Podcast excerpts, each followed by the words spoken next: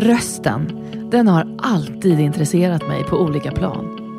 Rösten som instrument, kommunikationsredskap, möjlighet och skyldighet och demokratiskt verktyg. Alla har vi en röst på ett eller annat sätt. Men hur använder vi den? Det vill jag prata om. Jag heter Sanna Martin och är sångerska, skådespelerska, speaker, skribent och poddare. Välkommen till Din röst, en podd om rösten och dess makt. Din röst.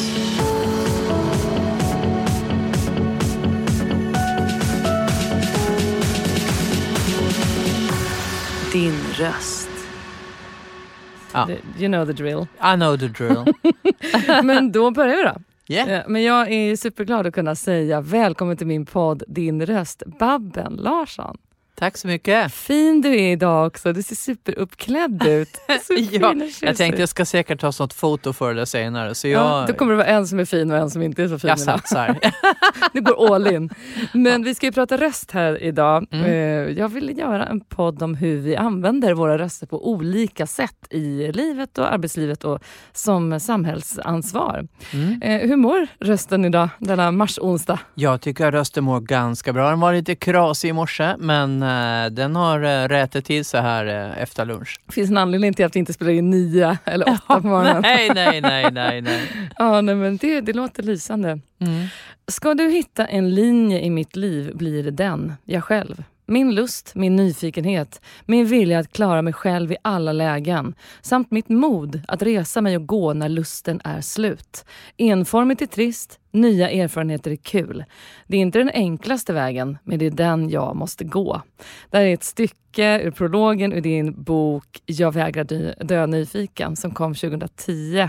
Mm. Hur tydlig har den inre rösten varit hos dig? Har du varit bra att lyssna på vart du ska någonstans? Yrkesmässigt tycker jag det, att jag har lyssnat bra på den och att den har lett mig in i ganska spännande samarbeten och egna projekt och eh, det har varit ganska eh, rejäla utmaningar ibland som det heter. Eh, men eh, jag tycker alltid att den har haft rätt. Och när jag har gått emot den så har det inte blivit bra. Nej. Nej. Så så enkelt är det. Och det låter hemskt att säga att jag, jag styrs av lust. Det låter otroligt jävla lyxigt och lite divigt nästan. Men utan lust då är jag ingenting. Nej. Och den, det. det. känner du tydligt att det här Ja. har jag inte lust med. Mm. Mm. Och tycker du den rösten har liksom blivit tydligare eh, med åren? Ja, och det har den. Mm. Ja. För det kan jag känna igen mig i. Att det är så här, å andra sidan är det nästan alltid lättare att känna vad man inte vill än Mm. vad man vill. Så det är inte alltid lätt det där. Nej. Men du talar ju inför massor av folk i ditt arbete, både på scener och föreläsningar. Eh, och vi pratar alltid lite om det i den här podden, hur man har varit eh, över tid kring det här med att tala inför folk, eftersom Mm. det är en sån vanlig ångest. Ja. Hur, hur kände du inför det när du var yngre? Nej, jag har aldrig haft den här ångesten. Jag har, för mig har det aldrig varit ett problem. Nej. Jag, ehm, visst, en liten anspänning är det ju alltid eh, hur det ska landa och tas emot och sådär. Men eh, nej, jag har inte haft det här att jag törs inte gå in eller varför är jag i den här situationen. Möjligtvis att man kan ha lite ångest om man känner att man inte har förberett sig tillräckligt väl, men Mm. det är en helt annan grej. Och jag har såklart de här återkommande mardrömmarna som alla skådespelare har, att man kommer till teatern, det är premiär, man har inga kläder, inget manus, alla andra är färdiga och ingen kan hjälpa en. Äh. Och så går ridån upp och du står där i dina vanliga kläder och de andra har så här krinolin. Lite udda. och du vet att du har den första repliken, men vad är det du ska säga? Det är ju hemskt alltså. Det är, Fruktansvärt. ja. Ja, nej, det, jag har drömt liknande grejer. Ja. Men du växte ju upp på Gotland, vilket är tydligt när man hör dig prata. Mm. Eh, Hur var skolan för dig när du var ung? Var du en sån som tyckte om eh, skoltiden? Det har gått upp och ner eh, kan jag nog säga. Jag tyckte väldigt mycket om skolan på låg och mellanstadiet. Eh, jag var duktig, jag låg bra i framkant. eh, jag var duktig i nästan alla ämnen utom möjligtvis gympa som inte riktigt var min grej. Eh, och sen fick jag hålla på mycket med sång, musik och teater för vi hade den typen av fröknar på vår lilla B-skola där. Eh, sen hamnade jag på högstadiet och där var det väl andra intressen som tog över. Killar, mopeder, hänga med gänget, jag började röka, jag sket i att äta lunch och gick till fiket istället och massa sådana saker. Jag blev, ehm, jag fick bra betyg i sjuan eh, men sen gick det ganska snabbt ut för så att eh, jag nästan hade problem att komma in på det jag ville sen på gymnasiet faktiskt. Och vad jag, hamnade du på gymnasiet då? för? ah, jag hamnade fel. Jag hamnade faktiskt på natur som då hade väldigt låga poäng för det var inte så många som ville gå natur på 70-talet. Så jag kom in där på halkade in med mina, vad jag hade drygt tre, tre i snitt och eh, det gick ju inte. Så efter ett och ett halvt år så, så fick jag verkligen lyssna på den här inre rösten som sa ta dig ur det här. Gör, gör en förändring, gå upp till studierektorn och eh, se till att du får ett program som passar dig. Så då gjorde jag det och eh, det var jätteviktigt för jag höll på att ramla ur skolan helt och hållet och jag är inte dum i huvudet. Det är bara det att om du hamnar på helt fel linje och alla andra är mycket bättre i kärnämnena, då får de med sig ett självförtroende även Absolut. in i språk och teckning och allting liksom. Eh, medan du själv sänker dig och eh, blir bara sämre och sämre. Så jag bytte till eh, humanistiskt som passade mig mycket bättre. Mm. Eh, och jag läste språk, jag läste allmän språkkunskap och jag tyckte det var skitkul. Och sen blev jag estate så jag valde bild fem timmar i veckan. Och det var mycket en överlevnadsstrategi för att vi hade en otroligt chill teckningslärare som Ja, vi fick i princip sköta oss själva. Han gjorde någon liten genomgång ibland men sen satt vi där ett litet gäng och hade det skitbra och det räddade min gymnasiegång kan jag säga. Ja. Ja. Och Gotland då, om man liksom bara funderar på... Du, du har kvar ett hus där, visst är det så? Jag och min syster har en stuga, ja. Mm. Ja, Vi så du återkommer dit Ja. ofta och gärna om jag Mm. förstått det rätt. Ja, då. Oh, ja. Kan aldrig ta Gotland ur, ur Nej. tjejen. Nej, jag är kan ta mycket saker men gotlänning det är... Forever. Ja. Mm, mm. Såklart. Du, var det så redan då som ung att du liksom hade det här uttrycksbehovet och att du kunde ha använt humorn som verktyg i situationer som kanske inte var så kul i relationer eller eh, jobbiga situationer eller konflikter eller så? Fanns humor där tidigt? Humor fanns där tidigt och framförallt hemma där det var en situation vid köksbordet som inte alltid var så trevlig. Liksom. Min förälder var ju bönda och jobbade väldigt hårt och tungt. Det blev ibland lite tjatig, lite gnatig stämning vid matbordet och min pappa var trött och han kunde liksom explodera och det fick bara inte hända. Han hade ett väldigt lång stubin men när det väl brann av då vill man inte vara i närheten. Så jag tog på mig väldigt tidigt, vid fyra, fem års ålder kanske, att hålla honom på gott humör på, vid måltiderna. Genom att berätta roliga saker, historier, eh, skämta om min mamma eller syster, driva med släktingar, alltså vad som helst. Bara jag fick det här lilla glimten av humor från han när han tittade upp liksom. Han satt mest och bara åt och teg liksom. Och sen ibland kom det lite sådär. Och då hade man varit extra rolig. Så att jag började verkligen tidigt med att underhålla. Jag började som bordsunderhållare kan man det säga. är inte fy skam, det är också en Nej, start. det är också en genre. Och sen gjorde jag ju grejer sådär på roliga timmen och just det här att vi fick uppträda för våra föräldrar på varje Lucia och jag spelade fiol och sjöng i kören och allt sånt där. Eh, men humorn hjälpte mig också på rastarna ifall det var någon situation som eh, det, så absolut, de svärd man vässar blir vasse och jag väste humorsvärdet Mm. väldigt tidigt. Mm. Så det, det har klarat mig genom ganska mycket. Ja. Ja. Vi möttes, du och jag, för första gången 2011 när vi var med på samma konsert. var ute på Konfidansen. Mm. Eh, och mitt intryck av dig då var ju, precis som jag tror jag trodde att du var, oerhört sympatisk och varm och bjussig och stöttande. I min värld så hade du redan då en otroligt bred eh, karriär och kul karriär som jag såklart hade följt till viss del. Eh, och jag har verkligen upplevt att du har varit en stark inspiration kring det här med att inte begränsa sig själv. Mm. Har det varit ett val att verkligen ha den här bredden? Eller har det bara fallit sig så? Att du har kunnat tacka ja? Det har nog fallit sig så också när, när jag väl blev etablerad som komiker så fick jag andra förfrågningar också. Jag hade ju musiken med mig just från barndomen och när jag fick chans att jobba med musik igen tack vare mitt namn såklart och att jag hade roliga mellansnack faktiskt i början. Det var ju ett osäkert kort liksom med sången. Den var väl inte så bra i början heller. Jag har blivit mycket bättre. Men, men eh, jag fick sådana chanser. Jag fick föreläsningsförfrågningar så att jag tog fram föreläsningar. Och sen hände det ju saker i mitt liv som jag hade att kommunicera. Du vet, och så fick man Ja, vill du skriva en bok och vill du göra det här och det. Alltså jag har ju verkligen fått chanser men jag har också tagit dem. Just det. Ja, jag har inte backat utan ah, det pirrar till. Det här, Det är svårt men inte omöjligt. Jag, jag tackar ja. Det är Det- superhäftigt Det är jag. nog lite min... Eh, jag är inte rädd för att... Om jag ser framför mig någon typ av vision av hur jag ska göra det här eller hur, vad det ska innehålla. Då vet jag det här kommer jag att fixa. Mm, och då är man inte rädd för att gå utanför sin comfort zone. Liksom. Nej. Nej. Och, och första exakt. gången det här hände var väldigt symptomatiskt. Eh, spexet på min gymnasieskola var nedlagt sedan flera år. Det här var mitt under eh, progtiden.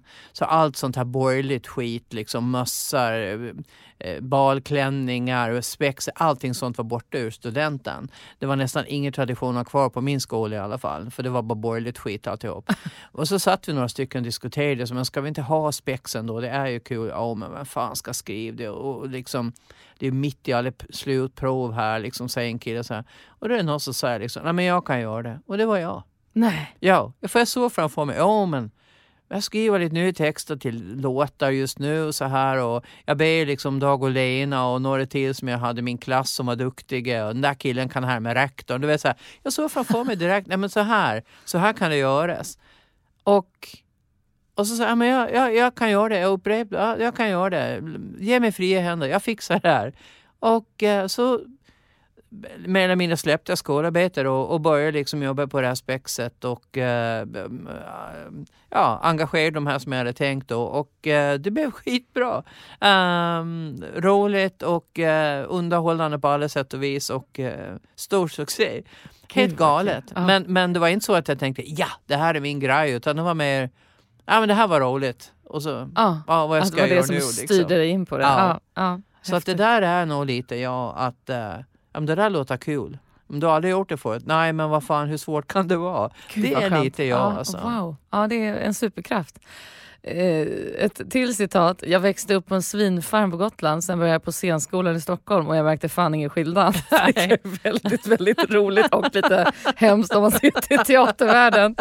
Du var 24 år eh, när du 1980 gick ut från scenskolan i Stockholm och Ja. dessförinnan hade du ju liksom eh, haft egna grejer i Visby och, och satt upp shower bland annat som, som du säger där. eh, Ja, de kom lite, och, och, ja, ja. fast de kom lite efter de egna. Ja, de är Men jag hade okej. varit med i andra, så jag, jag var ju lite anknuten till Gotlandsteatern, en fri grupp. Och vi gjorde nyårsspektakel och, och okej. nattklubbs eh, kabaréer och sånt där. Ja. Så att lite sånt, lite underground hade jag absolut jobbat med. Men hur var, vad var det som lockade dig med att eh, börja på scenskolan?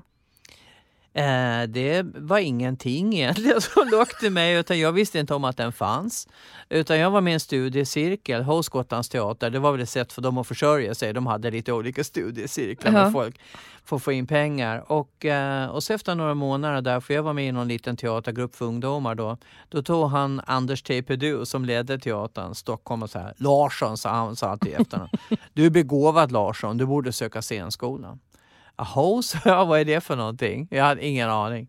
Jag hade en utbildning för skådespelare så här. Oroa dig inte för proven. Och jag bara, nej, vadå prov liksom? Nej, det är inte men jag, jag, jag hjälper det. Och så fixade han med papper och allting. Så jag visste faktiskt inte vad det var jag sökte till första gången.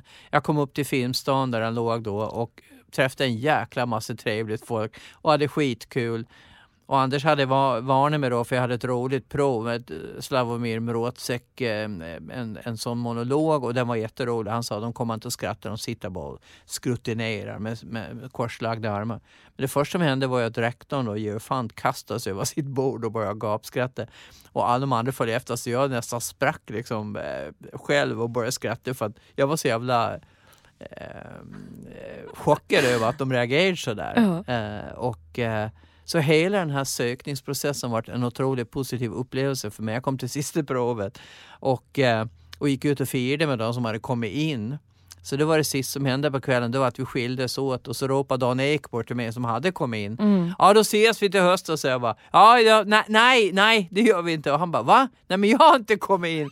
Och du vet, Dan Ekborg som är fostrad i en teaterfamilj, Ja. han har nog aldrig varit med om det, att någon som har sprickit sista provet är ute och firar och är hur glad som helst.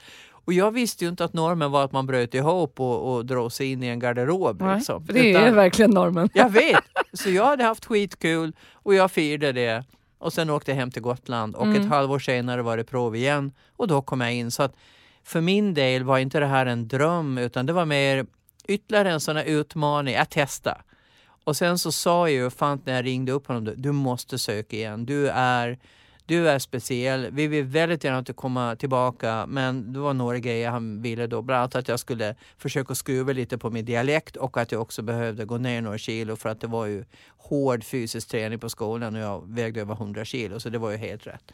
Så att de där grejerna hade jag liksom eh, under tiden mellan de här sex månaderna mellan proven faktiskt eh, jobbat med och eh, när jag kom tillbaka så kom jag in. Så att det, det var det gick väldigt fort. Jag hade, ju, mm. jag hade faktiskt ingen riktig, eh, inget golv att gå på riktigt. När det, det där var ju klokt och speciellt om man får den där responsen och feedbacken och där mm. de har en kommunikation med en och säger det här tittade vi på, det här tänker vi på. Mm. Då, då visste du ju vad som väntade på ett helt annat sätt ja, andra gången. Mm. Men tyckte du om tiden där sen? Jag tyckte om tiden men det var ju skitjobbigt när man inte har spelat någon teater, inte vet vilka av alla dessa verktyg som räcks i din väg, vilket kommer jag behöva. Uh, det var väldigt jobbigt i början för att jag fick inte sjunga för att min röst låg för lågt. För gotländska ligger så här lågt. Mm. Uh, jag, jag pratar nästan så här nere. Mm. Och det är ett motsatt problem mot nästan alla andra tjejer på scenskolan som ligger lite för högt. Oh, Gud, ja. Lite så. Alla tjejer i hela världen? Ja, alltså. och ska uh. liksom trycka ner och, och hitta ba, ba, hej, hej. Jag ligger omkring de jävla trapporna. hej, hej, god morgon. Mm. Ah, oh. och du bara, hej!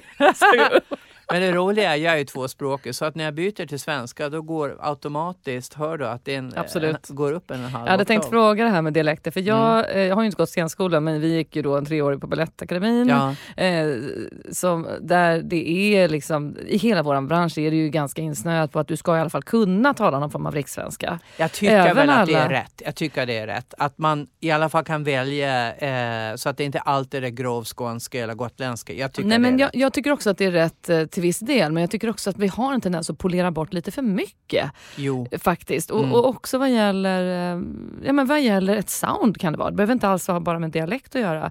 Utan också att så här, hur, du vill alltid liksom, jag tycker de är lite snäva alltså, på de här skolorna och försöker polera bort det lite för mycket. Det kan jag hålla med om. Jag kan också känna ibland att många duktiga sångerskor som kommer ut från, från uh, den akademin uh, mm. har uh, tappat lite grann sitt eget berättande, ja. sin egen röst och har hittat det här.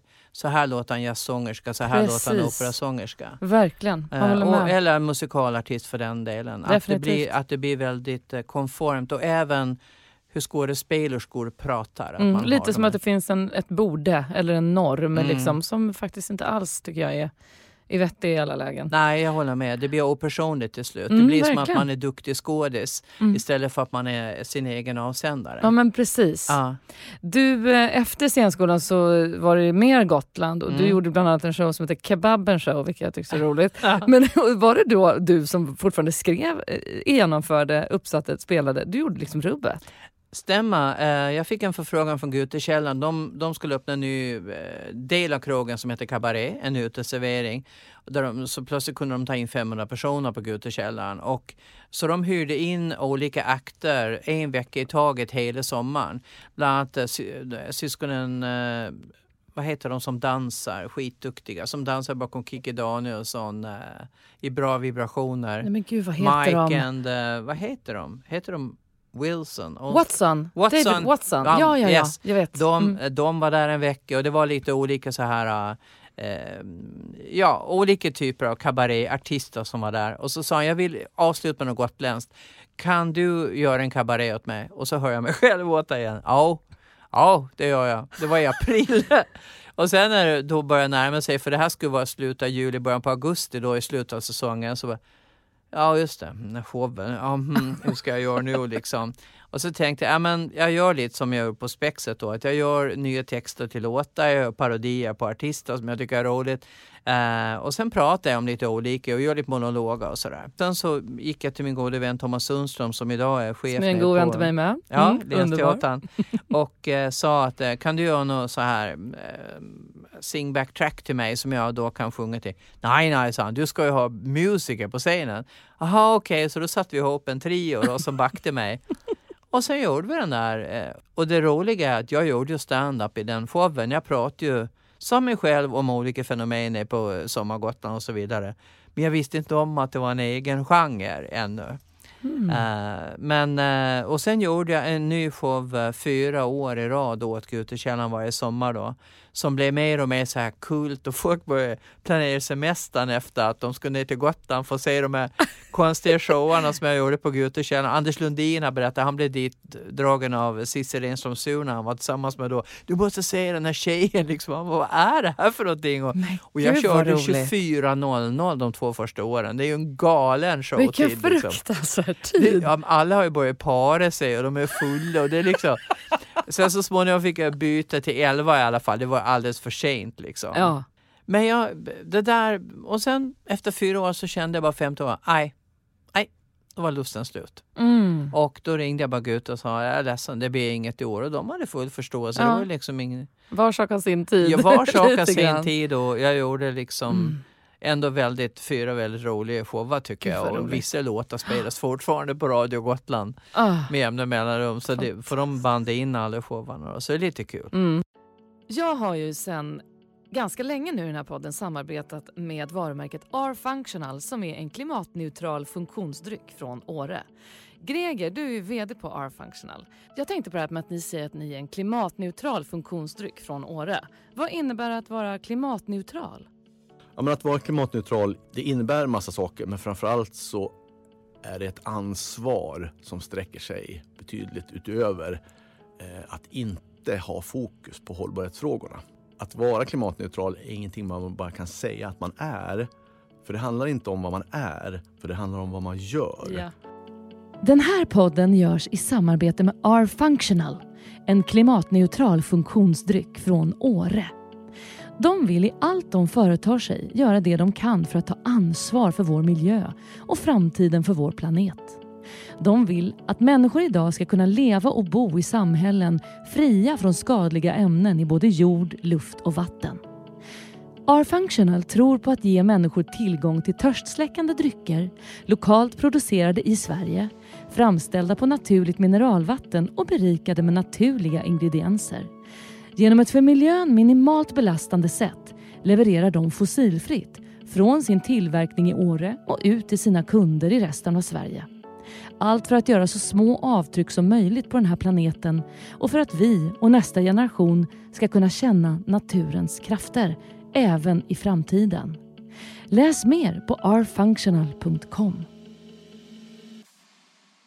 Och sen så tog du till eh, 1990 då, om vi hoppar dit, Ja. så var ju ditt genombrott ett faktum via stand-up i tv-programmet Släng dig i brunnen Yes. i SVT. Och du var ju verkligen tidigt en pionjär inom svensk stand-up, inte minst på grund av att du var kvinna, med din dialekt också måste man ju säga. Ja. Eh, vad fick dig att liksom ens sikta på det här med stand-up? Liksom att du tog det åt det hållet?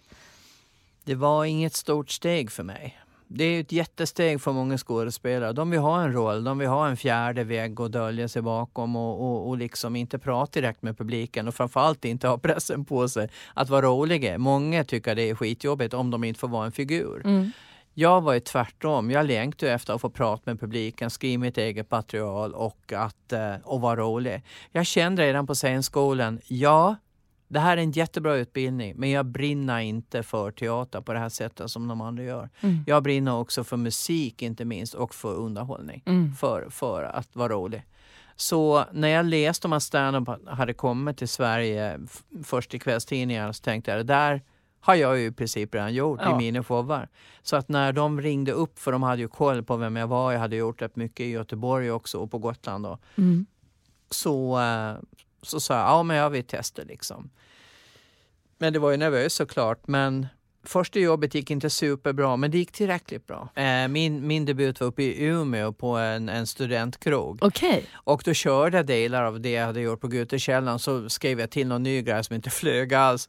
Men jag avslöt och liksom gick ändå av med och de andra var verkligen så här uppmuntrande och fan nej men det där var ju skitkul och vad roligt och du måste fortsätta och sådär. Ja. Och jag kände själv också att om jag jobbar hårt och går igenom den här videon jag spelar in i huvudet av det här jobbet och åtgärdar det som inte fungerade, då kan det här bli min grej. Det kände jag nästan direkt. Okej. Eh, för att det här passar mig så himla bra. Mm. Att stå och prata med folk och vara rolig. Ja.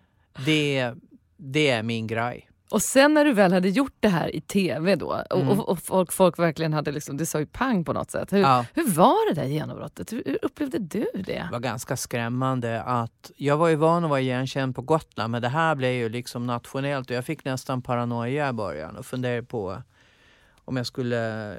Jag fick den här instinkten, jag måste fly liksom. För det var ju då vi hade typ bara två kanaler. Ja, det var liksom, ja, alla, såg det här. Alla ja. såg det här. Och, och då blev det så här, ja men gud, men vart ska jag fly då? Det finns ju svenskar överallt. Det- Det här, det här, jag, och jag har ju ett motto som, som jag har skaffat mig på senare år men som jag nog har levt efter ganska länge. Det här accept and adjust. Nu blev det så här, nu anpassar vi oss eh, på ett sätt hur vi lever med det här. Liksom. Mm. Ehm, det kan ju låta lite lyxigt att man tycker det är jobbigt att vara igenkänd men i början var jag lite, blev jag lite nojig faktiskt. Men eh, jag kan ju säga, jag tror ta mig fanken 100% av de som kommer fram på stan, de är positiva. Mm. De gillar det man gör, de kommer bara fram och säger fan jag såg det här, vad rolig du är och jag gillar dig och, och eh, sluta aldrig och de säger otroligt peppande saker. De som är as, de är ju på nätet och, Mm. de, de, eh, och de finns där och Eh, och så länge de som gillar det jag gör är så otroligt många fler så kan jag absolut stå ut med att det är vissa som eh, måste spyga då. Mm. Det får man ta. Ja, herregud, det är ett kapitel för sig. Japp, det där. Men du, ehm, när, eh, det finns massor som jag är nyfiken på kring det här med stand-up och din liksom, start. Men var det svårt att få jobb sen på de här scenerna? Var det liksom så att du klev in i en värld av så här, oj vilken konkurrens eller hur ska jag göra nu? Eller flöt det liksom på för dig då med jobb? Det var helt otroligt. Stand-upen lyckades på väldigt kort tid upp, alltså eh, Suck framförallt, Bertil Goldberg som drog igång det här. Han var väldigt duktig promotor och han fick eh, tummen med pressen och det skrevs väldigt mycket om att den här nya genren hade kommit och hur, och hur kul och spännande det var. Så det poppade upp klubbar i hela Sverige och vi var bara typ 25 stycken som höll på. Det fanns hur mycket jobb som helst. Åh, Man skulle kunna jobba liksom sex dagar i veckan utan problem i början. Ja, alltså, överallt vart du än kom, Härnösand, du vet, Borås, alltså vart du än kom så fanns det en ståuppklubb som, som det fanns jobb på. Mm. Och, och inte speciellt mycket komiker och framförallt väldigt få tjejer. Det var jag, Ulla Skog och Anna-Lena då, mm. som i princip var de som, som eh, höll på medan det var betydligt fler killar då. Ja. Eh, vilket jag gjorde också. Och i början fick jag väldigt mycket jobb på att jag inte var Ulla Skog. Mhm. För Ulla Skog hon var ju den första fixstjärnan eh, generellt inom stand-up och var ju fruktansvärt bra. Och eh, hon kunde naturligtvis inte ta alla förfrågningar hon fick. Men då sa de på bokningsbolaget, vi har en annan tjej här. Hon är också väldigt, väldigt rolig men ni vet ännu inte vem hon är. Ta henne, jag lovar liksom, ni kommer att, att bli nöjda kunder. Men gud vad roligt. Så jag fick jättemycket jobb Mm. för att Ulla inte kunde ta dem. Så, så att jag hade världens lyxsituation. Så att när jag väl kom på tv så hade ju dels ganska många sett mig ute i landet. Så jag var redan ganska förankrad hos de som var intresserade av stand-up. Mm. Plus alla de här som hade sett mig nere i Visby. Så att på något vis så fanns det puttrade lite så här att ja, men den där tjejen, hon, kolla in henne liksom. eh. Så eh, på det sättet har jag haft det himla lätt faktiskt Mm. inom stand-up. Jag har haft jobb hela... Alltså från det att jag började med stand-up och säg efter ett år, sen har jag aldrig varit utan jobb eller haft problem liksom med försörjning eller... Nej.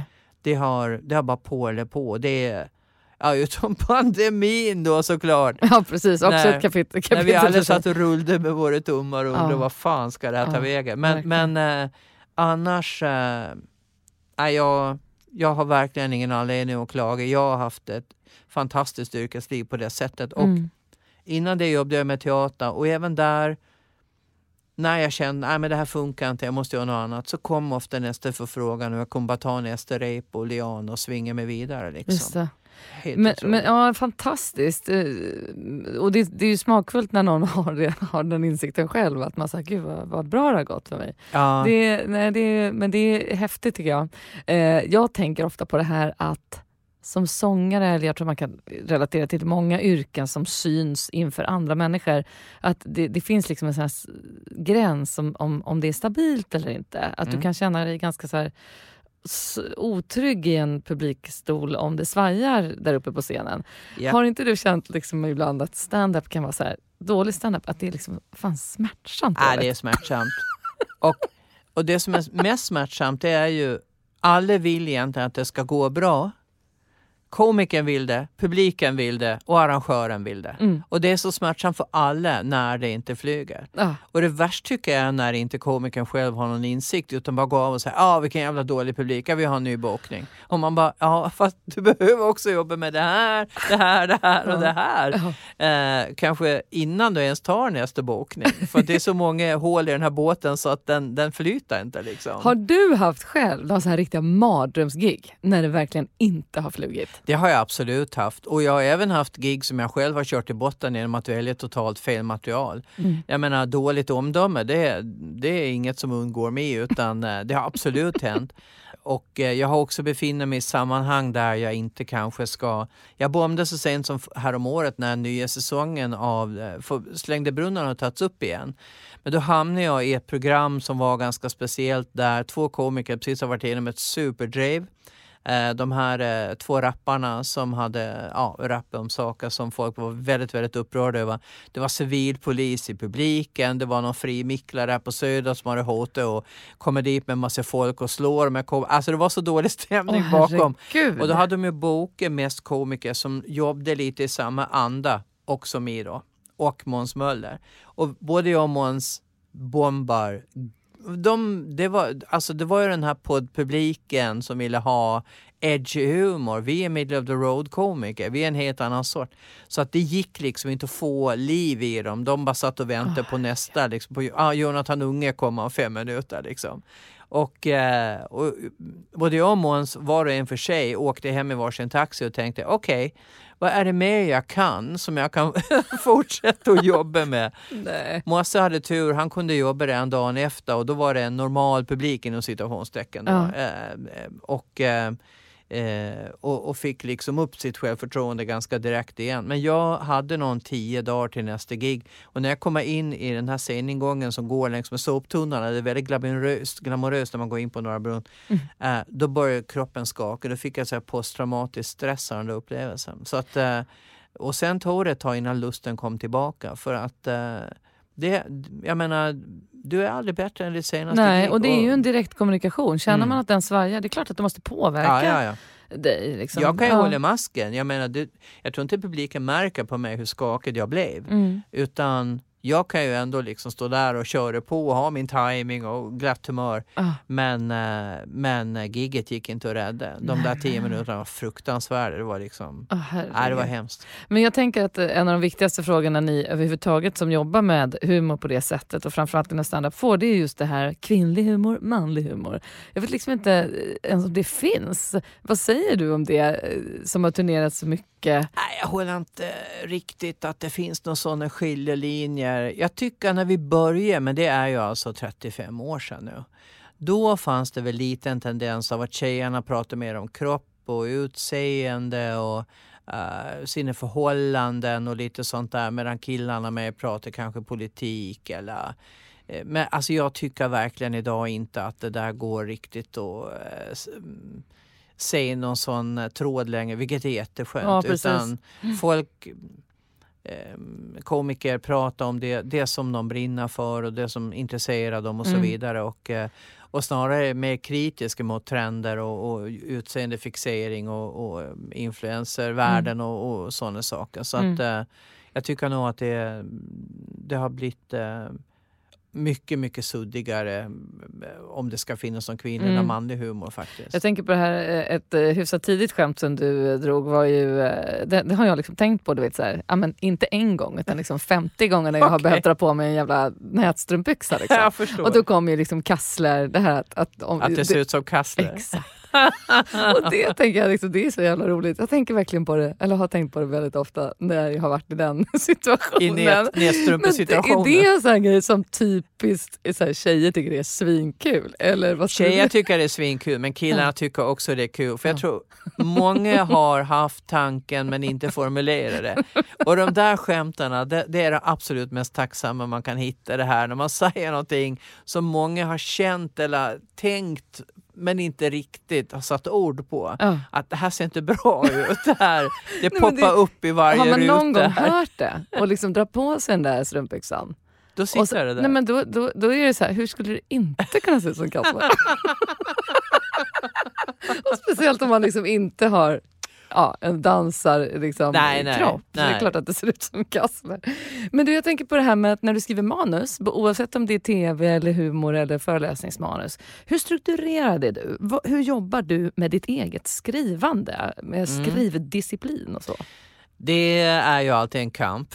Eh, Jag är en prokrastinerare och eh, skjuta upp. Mm, Jag är lite mer dis- disciplinerad när det gäller tv-manus för att eh, jag tycker inte de är lika komplicerade heller. Ofta så har, har man en, en, eh, en hjälp med redaktör och så vidare som gör grunden och är mycket lättare att förädla och säga nej men inte så här men så här. Det är mycket lättare än att skriva allting från scratch. Eh, Stand-up brukar jag försöka fylla på lite nya skämt då och då men jag är också den här som inför turnéer alltid står och testar 10, 15, 20 nytt på Norra Brunn liksom, per kväll för att jag måste ha fram nytt material och Mm. då kanske jag har tagit hem någon innan och, det är också sätt att jag ser till att skriva, ta hem Adde Malmberg eller Thomas Oredsson som jag litar och som inte tvekar att säga nej men det här håller inte, det här, eller det där är jävligt kul. Mm. Ehm, men eh, jag samlar ju skämt då i, i, i, på små lappar och sen tar jag lapparna och skriver ut i ett stort dokument. Sen börjar jag eh, para om allting. Ja, men det här Ja. handlar ju om väghållning, det här handlar om eh, eh, politik, det här handlar om eh, ja, vad det nu är för ämnen. Ja. Och så kan jag sätta en rubrik på det. Det här handlar bara om purjolök och handlar på ICA. Liksom. Och så gör jag liksom. Drar dit alla skämt och så kan det bli då en så kallad rutin av det. Just det vill säga ett precis. skämt, skämt, flera skämt eh, om samma ämne så att säga. Gud vad roligt. Men det där med att du bollar med kollegor är ju briljant. Jag tänker att det tycker jag generellt att man gör lite för sällan. Ja. Också faktiskt på teatrarna, att du Mm. litar så hårt på att vi har en bra grej här och så tar du in publik på ett rep och så kanske det är hälften som inte hör vad vissa säger. Alltså så här, varför bollar vi inte lite mer? Jag tycker det där är jättebra och att vi ska våga vara tydliga och säga jag fattar inte det här. Nej. Eller nej, jag tycker det finns en liten ängslighet där. Det här avsnittet görs i samarbete med Verso Skincare, V-E-R-S-O. Då vi numera lever längre liv ökar vikten av att vi tar hand om oss på olika sätt. Då är vettig hudvård ett steg i ledet. Verso grundades med syftet att erbjuda kunder funktionell hudvård som ska vara lätt att använda. De gör högkvalitativa, vetenskapligt verifierade produkter med få ingredienser tillverkade i Sverige. De tillgodoser effektivt hudens mest allra grundläggande behov. Principen är att aldrig kompromissa med kvaliteten och man tar inga genvägar när man utvecklar sina produkter. Med retinol som signaturingrediens har märket Verso Skincare lyft svensk hudvård och verkligen satt den på världskartan. Och formuleringen med retinol 8 har visat sig vara åtta gånger mer effektiv än traditionell retinol och samtidigt minska risken för irriterad hud med 50 Versos mål har alltid varit att ge människor nyckeln till en enkel hudvårdsrutin som går att kombinera med ett modernt, hektiskt liv genom högpresterande och lättanvända produkter. Hållbara för både människa och miljö. Gå in och läs mer på versoskincare.se din röst. Men kan du ibland tycka att ditt jobb eh, blir ensamt? Ja, fast jag trivs ju med det. Jag har inget problem med det. Alltså den här hotelldöden har jag aldrig känt av utan du vet, du reser själv, du giggar själv, du bor själv och eh, du utvärderar det du har gjort själv och eh, eh, ja, och det blev också, när jag slog igenom hade jag ju redan träffat min blivande man och eh, det blev mer att, nej men min rutin var att jag gick upp på hotellrummet efter gigget. Jag stannade inte kvar i baren eller liksom eh, försökte att debriefa på det sättet. Jag, jag gick oftast upp på rummet och ringde honom och sa ja, så är jag här nu och ja, så här gick det ikväll och hur har det varit hemma och sådär. Och det gjorde också att jag blev ganska grundad direkt efter jobbet.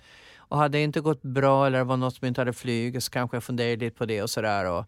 Annars så var jag väl nöjd och tog fram en bok eller tidning. Och Mm. Ofta så har jag läst ikapp tidningar. Jag prenumererar på otroligt mycket tidskrifter och tidningar. Så jag hade med mig en bunt som jag kunde gå igenom och så gick jag och la mig. Liksom. Jag har inget problem med att vara själv. Jag är ganska introvert. Mm. Eh, utan eh, hellre det än att stå i en bar och skrika till, Mm. till liksom två på morgonen. Det är inte min grej. Och jag dricker ju nästan ingenting heller. Så att liksom, och så blir folk sura för att man inte vill, vill ha en öl och så fan bjud fan kan ta en öl fan. Och så blir de bara arga. För att du inte dricker alkohol ofta? Ja såklart. Det men, men det där, för det där vet jag att du har pratat om, att Mm. det är ett val du har gjort och att det är så ifrågasatt. Ja. Vad är det för fel? Alltså, vad, Ja, kan det, inte vi... eh, de, mitt hopp är de yngre. Nu kommer det mer och mer statistik. De yngre dricker inte alls på samma sätt som Nej. min generation och de som är före. Mm. Utan de, eh, de vill ha en hälsosam livsstil och ser hur mycket det kostar faktiskt att hålla på och deala med alkohol ett antal gånger i veckan. Det är inget bra för oss. Mm. Vi mår Mm. inget bra. Tidigt 2000-tal så föddes en oerhört rolig och uppskattad scenproduktion i den här stan i Stockholm. Och då tänker jag såklart på Rea, Mm. roligt, elakt, aktuellt på Hamburger Börs. Mm. Och den spelade du många år eh, i olika konstellationer men du var en av originalmedlemmarna, Ja, visst ja, var det stämmer. så? Mm. Och ni var ju liksom inte nådiga i era imitationer. Folk skrattade så de skrek. Det var, jag såg den ett par gånger i olika konstellationer. Det var otroligt rolig underhållning. Och så, så färskt. Liksom. Det var ju verkligen exakt vad det var. Det var aktuellt. Hade Mm. det hänt någonting samma dag eller dagen innan, då var det med. Ja. Du, eh, var det någon gång där då, då som ni kände så att Nej, men nu går vi överstyr? Nu, nu ballar vi ur här. Nu kommer det, här. det här kommer inte landa bra. Ofta kom ju inte de fram till publik. Eh, men, men däremot så var det ju några, det var ju några som blev lite sårade över våra imitationer. Det var det som man fick liksom eh, eh, ja, några skådespelerskor bland annat som eh, blev lite upprörda och ledsna. Och, Aha, ja, sådär. Mm. Och, eh, och någon som, är, som, som är, nej jag fattar inte vad som var det roliga. Alltså det fanns lite olika sätt att bearbeta det. Men de flesta som hade ett självdistans de såg att nej, men det här är ju kul, vad fan det, liksom, det, det här får jag bjuda på. Just det. Ja, det ska liksom... Och då första säsongen då var det du, Sissela Kyle, Mm, Andreas Nilsson, Jan Åström och Anders Lundin. jajamän. Ja, då kommer jag ihåg rätt. Bra. Mm. Jag har inte ens skrivit upp det. Ja, men det Nej. jag älskade ju det.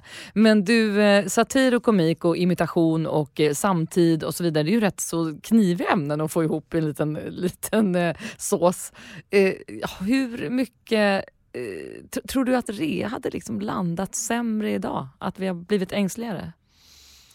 Jag vet inte. Alltså vi hade ju då otroligt duktiga showmakare bakom oss också. Vi hade Mm. Hans Marklund och Kalle Norlén då. Mm. Och, eh, jag menar, hade du gjort samma show idag så hade det varit dem eller det kanske varit Edvard af Sillén och någon som, som har tån ute i, liksom nutiden och känner vad som är okej och inte. Mm. Men visst är det mer självcensur idag för det finns ju mer kränkthet och taket är ju lägre. Det här har jag aldrig konstaterat. Ja. Men det betyder inte att man måste ge upp utan det är ju roligt att peta på det också. Det är Ja. alltid roligt att peta på det här som nej, det här får du inte röra. Nej, Liksom. precis. Så man kanske driver med andra saker, med andra typer av artister och andra typer av eh, ja, men influencers kanske och så vidare. Det hade ju Ja. absolut varit eh, med. Vad hade du sagt om de hade ringt i, bara, nu kör vi Rea igen?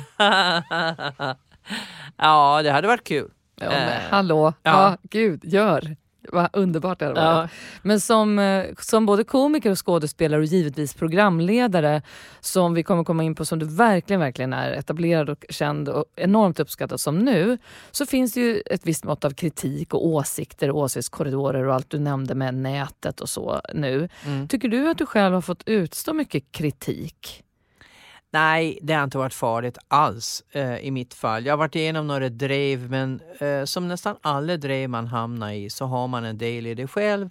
Man har uttryckt sig klumpigt eller skrivit någonting som man trodde var i en skyddad verkstad men det kom ut eller någonting sånt. Mhm. Och, eh, och det, så att jag har blivit mer noga med, med sånt. Mm. Eh, och Hur sen- du uttrycker dig och hur jag var, uttrycker liksom. mig och också så har jag fått lära mig den ganska hårda vägen att ju mer programledare, ju mer etablerad du är, desto färre personer är det du kan driva med för att eh, det, det blir f- fler som, som är underdogs så att säga. Precis, när du själv är så etablerad. Mm. Och då blir det för hårt om du driver med dem. Mm. Eh, även om de liksom också är etablerade så, Ja. så uppfattas det så. Det var ju någon av bönderna jag skojade med i Bonde söker fru som, som fick ett djävulsk hat eh, står de efter mig liksom och, eh, och till slut ringde jag upp honom och sa liksom jag är ledsen för det här och han bara vadå? han hade inte ens läst. Men det, liksom. Han säger sa- ju en del av vår tid, att Ja. vi liksom blir kränkta åt varann. Väldigt mycket ombudskränkningar idag.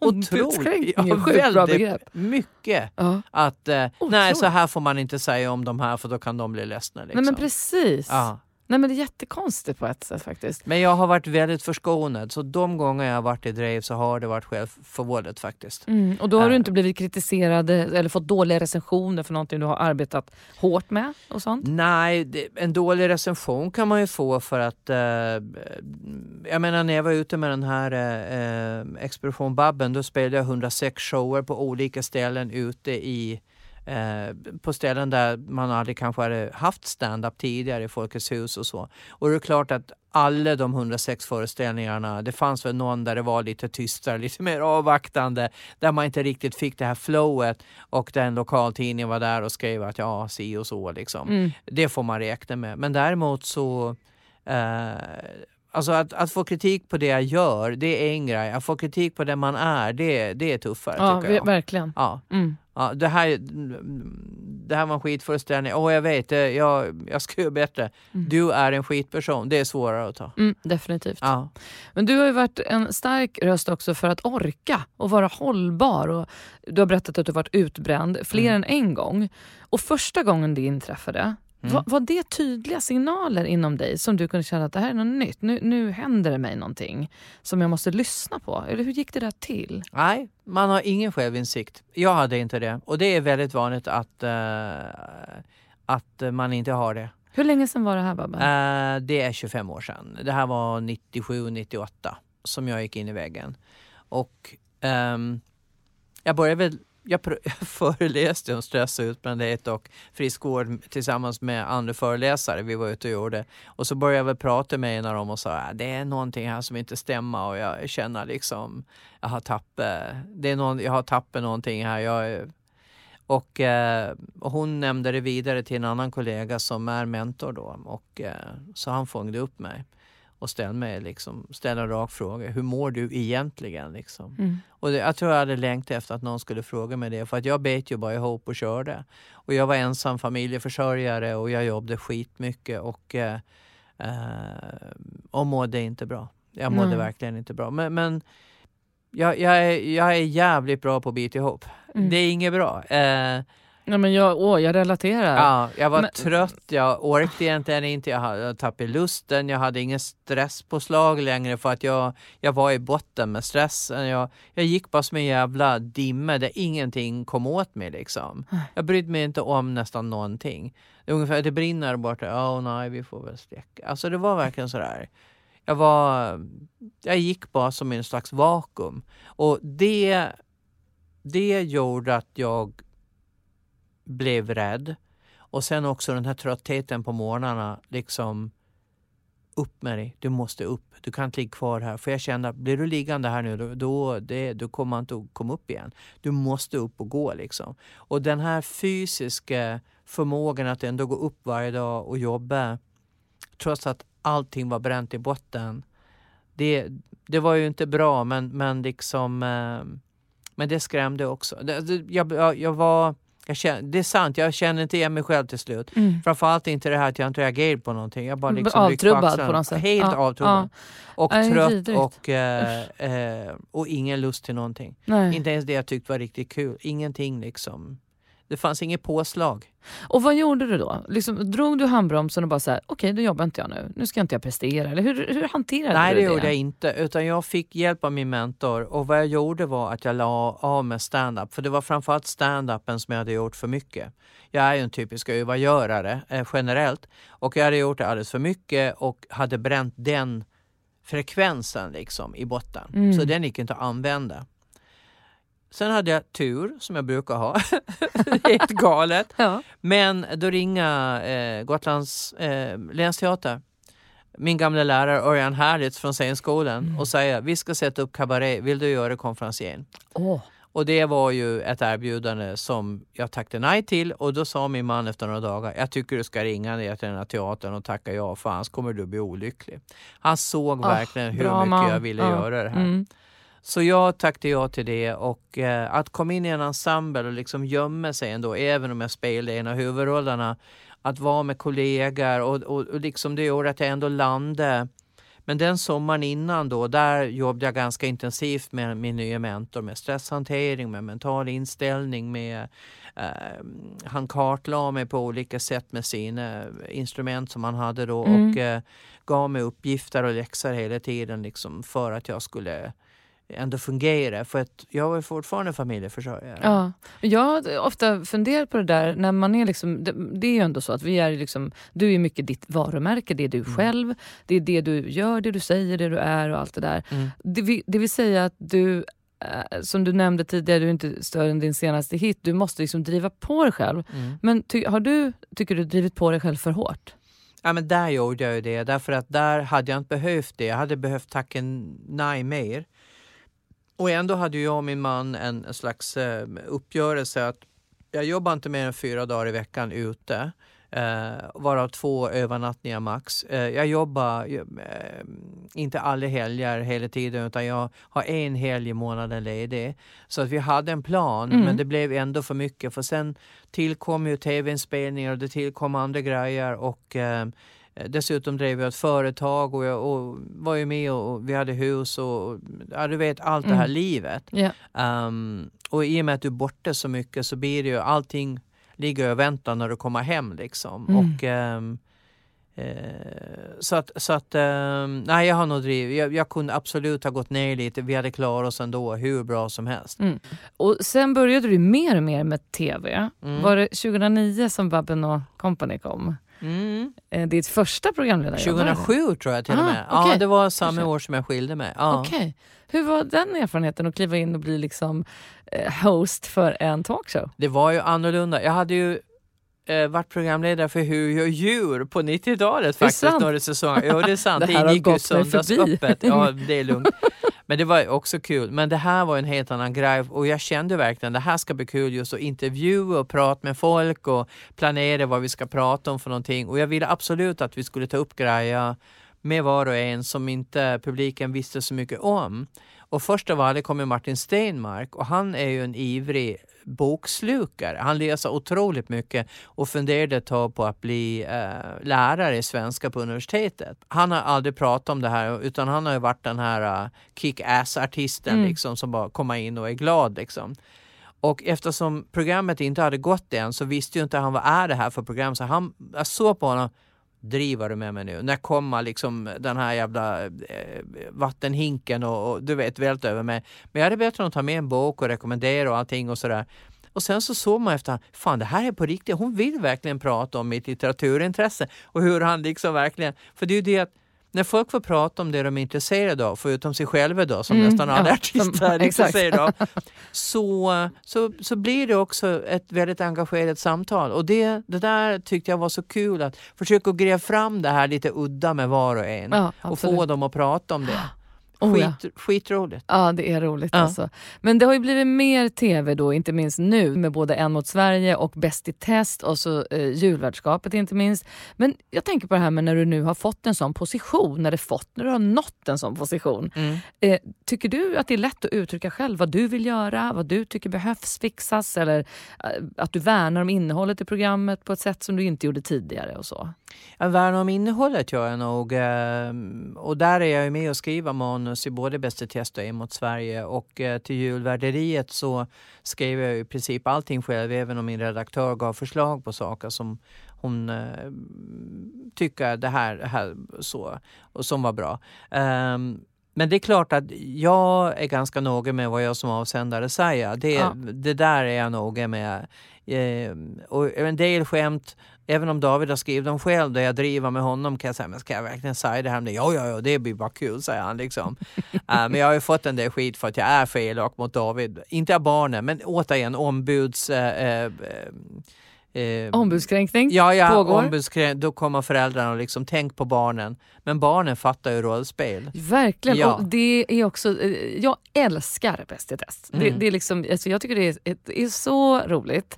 Eh, delar av vår familj har även sett eh, originalprogrammet, eh, Mm. brittiska förlagan Taskmaster. Mm. Eh, men jag menar, ni är inne på säsong sju nu. Det hade ju aldrig pågått och fortsatt och varit så eftersökt och uppskattat. Om, om, ja, eh, hade, då hade du ju inte gjort om hela tiden. Nej. För ni har en speciell ton och Mm. det, hela hans utstrålning och hela hans uttryck visar ju att det är okej. Ja. Så jag tänker att eh, där, är ju, där talar bilden sitt tydliga språk och er ton liksom ett Ja. eget språk. Ja.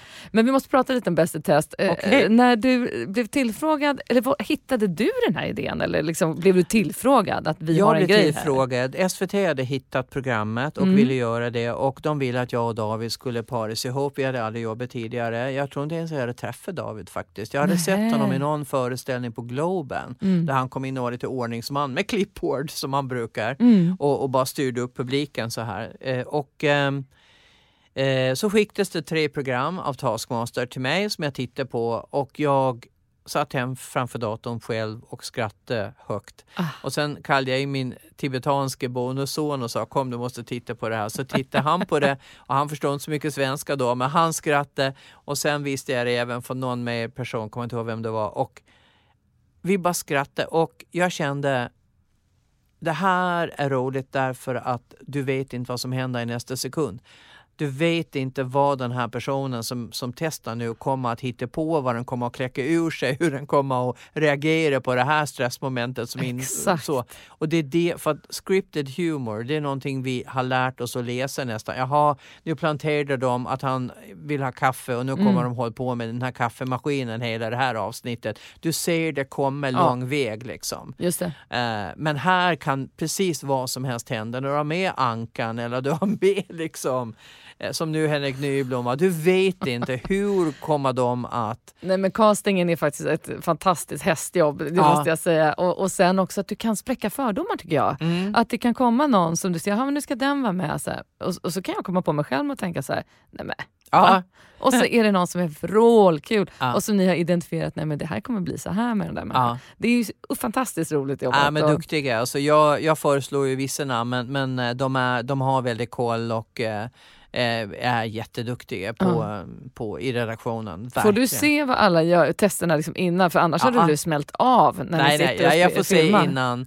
Jag får ju det hem. Eh, de filmar ju hela sommaren och sen klipper, klipper de ihop det här. Och jag menar, de som klipper måste jag också ge en Ja, otrolig eloge. Det är perfekt jobb. alltså. Tycker jag också. Och, med eh, allt det råmaterialet och få ihop det och den tajmingen och vilka som ska göra det ihop och ja, och musiken som ligger sist. under och ja, puttrar. ja, det, är alltså så, allt. det är sånt hantverk. Ja, det är det Och, verkligen. eh, och så kommer det, så får jag då se hur det är ihopklippt och så tittar jag hemma i lugn och ro själv. Och sen träffs ju vi eh, i redaktionen då, vi Mm. brukar vara fyra personer. Eh, bland annat jag och David och så hans bror som är producent och sen en redaktör då. Och då går vi igenom program för program och då har jag redan sett allting och, och, vi, och de har kanske skrivit en grund och så sitter vi liksom och bara lägger den här sista handen vid hur vi ska eh, driva med saker som, som kommer och så. eh. Så att det här är ju ett, ett lagarbete men jag är en av de sist in liksom. Men Ja. det gör ju också att jag kan tillföra nya saker. Eller kanske sett grejer där de har missat. Men vänta, men hon gjorde det där som man inte fick Ja. göra. Vänta han gjorde gick in i en titta. stolpe där, får vi inte missa. Nej.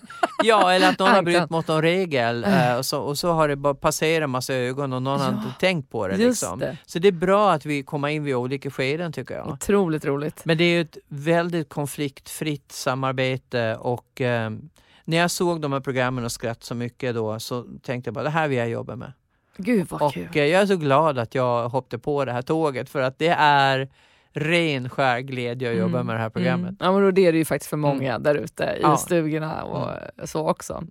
Mm. Eh, och jag tänker på det här med tittarsiffror, det är ju ett väldigt populärt program var vi Mm. inne på. Och sist du och jag träffades var på julafton. Just det! Ja, och det var inte heller några dåliga si- tittarsiffror. Nej, det, var, det var bra. Jag tror det var nästan tre miljoner. Ja, jag tror det var mer Babben. Åh, jag tror att det var på Karanka här för mig att de skrev att det var så här 3,4 och på resten av ditt julvärdskapsprogram så Ja. tror jag det var över 2,8 det är helt galet Och mycket. Det går ju knappt att ta in. Nej, det går inte att ta in.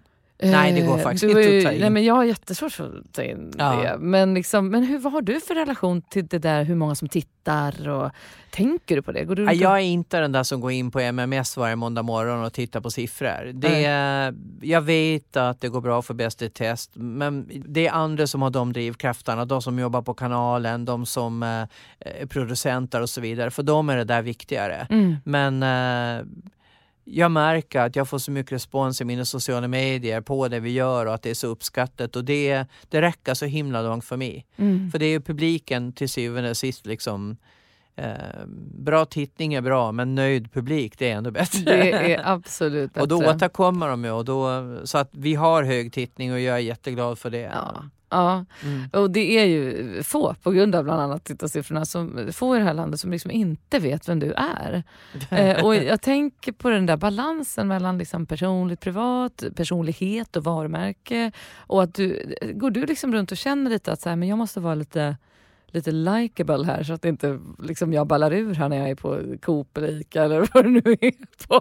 Vad är din relation till liksom att ha, ha, ha den uppgiften eller det ansvaret? Tänker du på det? Jo, jag tänker på det. det. Det måste jag göra. Jag måste förhålla mig till det. Jag har ju bland annat eh, historiskt varit lite sådär när jag ser riktigt söndagcurlade barn ute i affärer eller på stan så kan jag ibland reagera. Alltså jag kan vara Mm. ganska Mm. sarkastisk. Um, men nu har jag fått en ny målgrupp med Bäst i test och det är barn. Så nu eh, måste jag förhålla mig till det.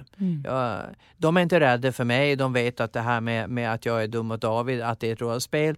Men jag kan inte heller ha den här eh, approachen till främmande barn längre. Det, det, det här var inte jättevanligt men ibland kommer man ju gå och muttra lite mellan tänderna liksom sådär. Eller, Mm. Eh, när man har en dålig dag liksom och så, så ser man någon unge som tvingar mamman att och, och köra vagnen med någon åsna som ska styra och man får inte släppa för att då, då, då kommer Ja, åsnan och ja. ramla och sådär och man bara du, håll du i åsnan så mamman får handla liksom. Tydlighet och, och, och ju otydligare man är desto mer håller ungarna på att söka den här gränsen. Mm. Absolut. Och det Gud, blir ja. någon slags skendemokrati alltihop. Ja, absolut. Ska du ta på dig stövlarna? Ja, ni ska gå ut, det regnar. Det är klart ungen ska ta på sig. Nu tar vi på stövlarna. Ja, vad- Hur- alltså, hur hur, svårt svårt kan kan det det vara? Jag blir så jävla provocerad. Ja, det är faktiskt verkligen märkligt när du säger Ja. det. Du, du, apropå demokrati så var, var det ju nyligen val, eller ett halvår sedan i alla fall. Och jag Det frågar jag alla hört. jag träffar om detta, hur, hur man liksom har, vad man har för relation till ett val och ett riksdagsval och ett valår. Om man blir engagerad eller hur man, hur man känner. Nej, jag blir inte engagerad. Jag tycker att det är en enda lång pine fram till valet och det är en nedskräpning på stan, det är ett spridande av floskler. Man hör lång väg vad det är de har bestämt att de ska kommunicera. Det är så jävla mycket strategi och eh, korridorplanering och jag känner bara stor trötthet Mm. inför valen. Jag går och röstar, det, det gör jag absolut. Men hela vägen fram, de här partiledardebatterna och det här, jag orkar inte. Nej. Jag, jag, jag känner bara, jag orkar inte. Vad saknar du i det politiska Sverige idag? Äkthet. Mm. Äkta engagemang. Mm. Och inte bara strategisk positionering, smartness, eh, eh, formuleringskonst. Eh, alltså för, för positioneringens skull. Utan förr var det mer retorik eh, och eh, man drev resonemang på ett annat sätt. Liksom. Idag gör man det för att positionera sig själv på ett annat vis. Ja. Det, jag tappar intresset. Mm. Det är eh, slående många av alla som jag ställer de här frågorna till som svarar precis likadant. Ja. Eh, med olika ordval men definitivt samma innebörd. Mm. Och jag kan själv känna att det var jättemycket det jag ville med den här podden. Att få resonera och också med inte minst de politiska gästerna. Få sitta och vända och vrida och fråga och våga bra. lyssna och sådär. För vi har tappat det där och allting går för fort också. Mm. Jämför man liksom politiskt innehåll eh, också i en valrörelse Ja. nu och bara för 10 år sedan, och 20 år sedan, och 30 år sedan inte minst. Det är en enorm skillnad. Det är en otrolig skillnad Så och inte minst på kul. nätet. Nej, precis. Och Verkligen. så de här otroligt märkliga algoritmerna vi har på nätet som Mm. klickar du på en länk med ett innehåll så får du liksom 20 länkar till Och innan du vet ordet av så befinner du dig i ett helt annat medielandskap och, eh, och det är många som vill driva isär. Mm. Det finns väldigt få sammanhållande eh, sådana hubbar idag där alla är med på samma ställe. Mm. Liksom. Mm. Ja, precis. Uh, och dessutom så är många av de hubbarna ifrågasatta då uh. Uh, av vissa av de här uh, ytterligheterna. Och det gör ju att den här splittringen gör oss ganska sårbara. Ja. Va, vad engagerar dig i stort i, vad gäller samhällsfrågor och samtid och alla möjliga saker? Skolan framför allt.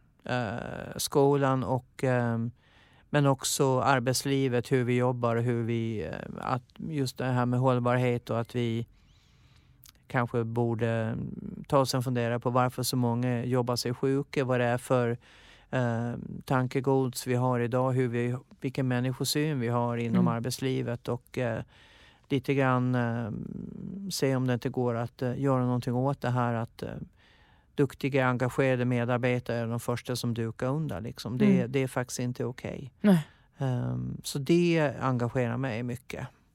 Du... Sen är det också, um, jag är uppvuxen på landet och um, så miljö, jag är engagerad i Viskogen bland annat som uh, försöker att uh, um, återställa och hjälpa naturen liksom, uh, i Östafrika just nu mest. Då, men uh, bra, bra engagemang där tycker jag. Mm. Hur man stoppar jorderodering och eh, får, får de här fattiga bönderna att få en liten inkomst på sin gård och mm. kunna skicka ungarna till skolan. Det är också en demokratiinsats tycker jag. Verkligen bra, det ska vi belysa. Jag hade Helene Sjöholm också som gäst i ja. somras och hon är också ambassadör för Viskogen. Ja, och på det ämnet så ska du få en fråga okay. från en tidigare gäst. Jag ska eh, snart berätta vem det är.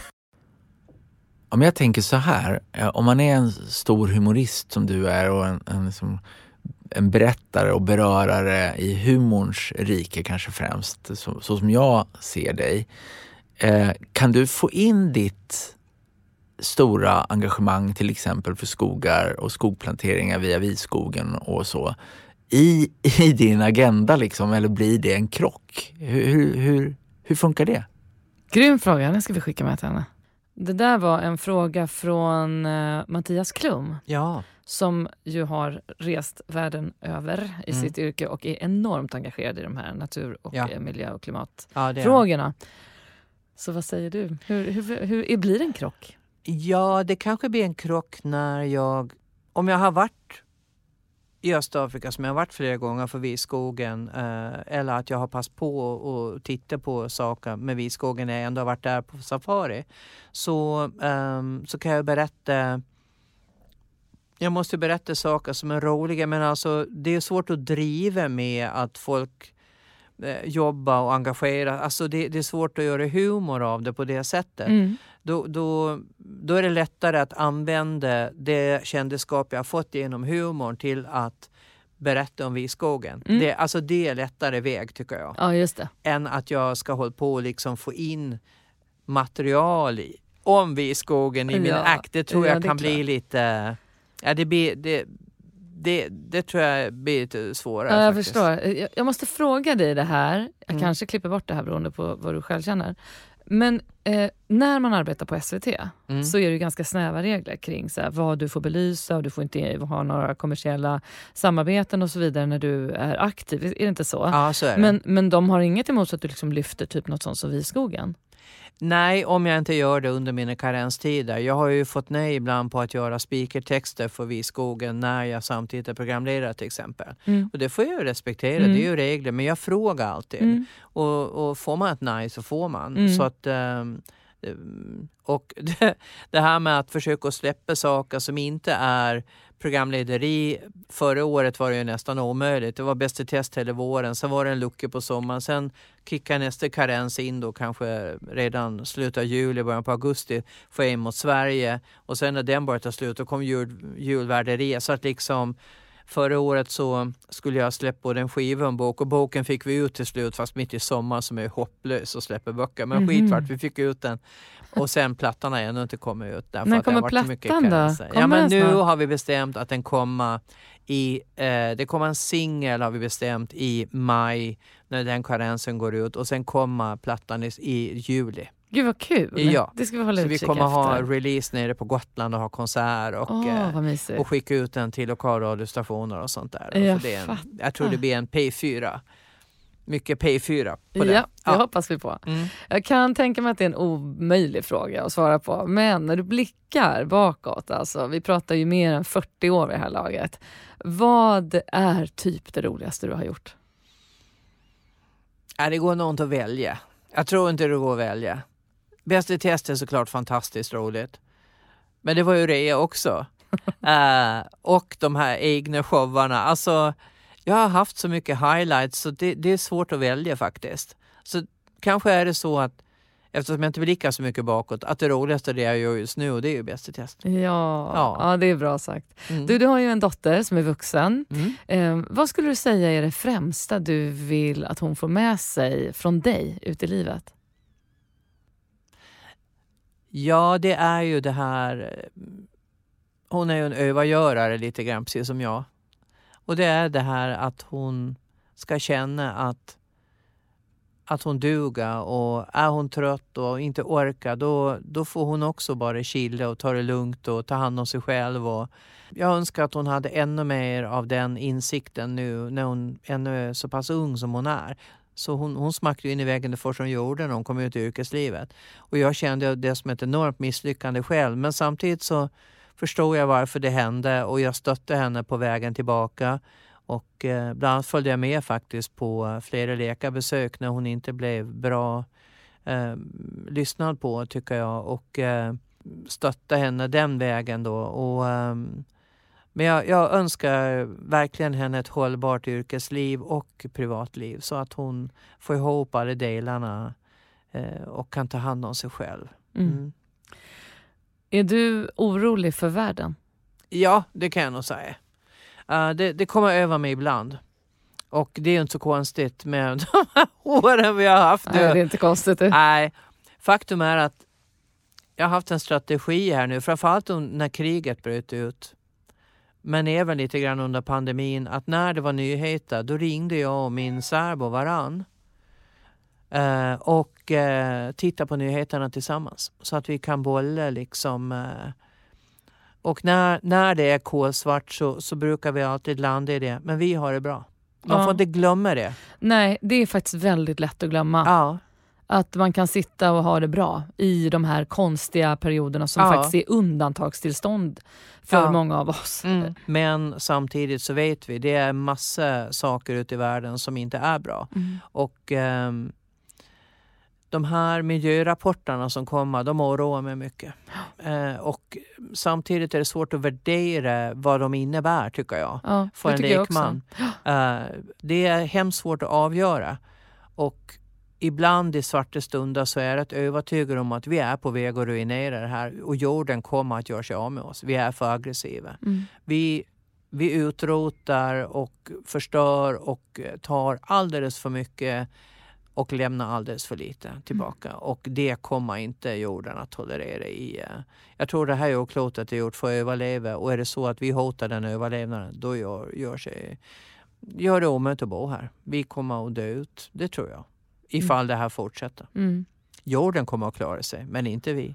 Nej, Det är blir kackerlackorna som tar det blir, över. Det blir andra som får göra Nej till. men ibland blir man dystopisk och det är inte så Absolut. konstigt. Nej, det är det inte. Jag håller med. Det är inte det här med att världsekonomin går upp och ner eller liksom, men det är just det här eh, världsledare som, som visar mm, eh, agendor som, som är skrämmande och, och också just att eh, den här oron för framtiden med, med hur, hur, hur vi ska klara det här helt enkelt. Mm. Klara miljön för att så vi ska ha luft och vatten och, och, och dräglig temperatur på klotet så att vi kan vara kvar. Ja. Om du fick vara minister, vilken minister skulle du se till att bli? Vad skulle du ta tag i? Men gud vilken svår fråga. Nej, Nej, men jag skulle nog vilja vara hälso och, och friskvårdsminister om det finns något sånt. Vad skulle du ta tag i då? Folkhälsan. Bara rakt av? Rätt av. Jag skulle skicka ut vissa livsmedel. Ja, du För- engagerade i det, det Ja, vet jag. förbjuda vissa substanser. Ja. Mm. Förstärka friskvårdsarbetet i Sverige och starta upplysningskampanjer bland de unga eh, om vad det som de äter idag väldigt mycket av gör med deras kroppar och vad det innebär framåt. Eh, och, men framförallt eh, promota det som är bra. Mm.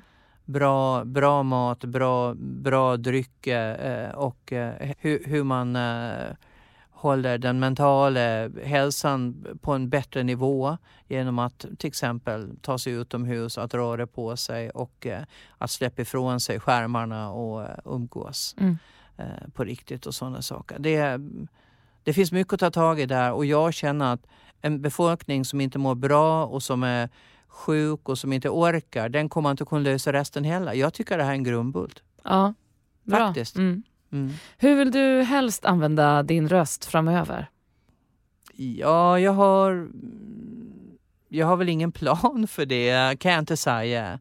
Jag vill inte jobba inom pol- politiken egentligen. Men jag vill absolut fortsätta att på mitt sätt prata om, om just hälsa och hållbarhet, eh, utbrändhet, eh, hur vi ska undvika det, stärka självkänslan hos de yngre så att de känner att de duger även om de då så att de inte behöver jobba ihjäl sig. Men Mm. också är jag ju då engagerad som sagt var i Viskogen och i Stadsbrudskåren. Ja. Mer lokalt här i Stockholm som hjälper eh, behövande kvinnor och barn i Storstockholmsområdet och de börjar bli fler och fler tyvärr. Mm. Så det är traumatiserade kvinnor, det är eh, hemlösa kvinnor, det är ensamstående mammor med, med barn som inte har råd att köpa det mest nödvändiga.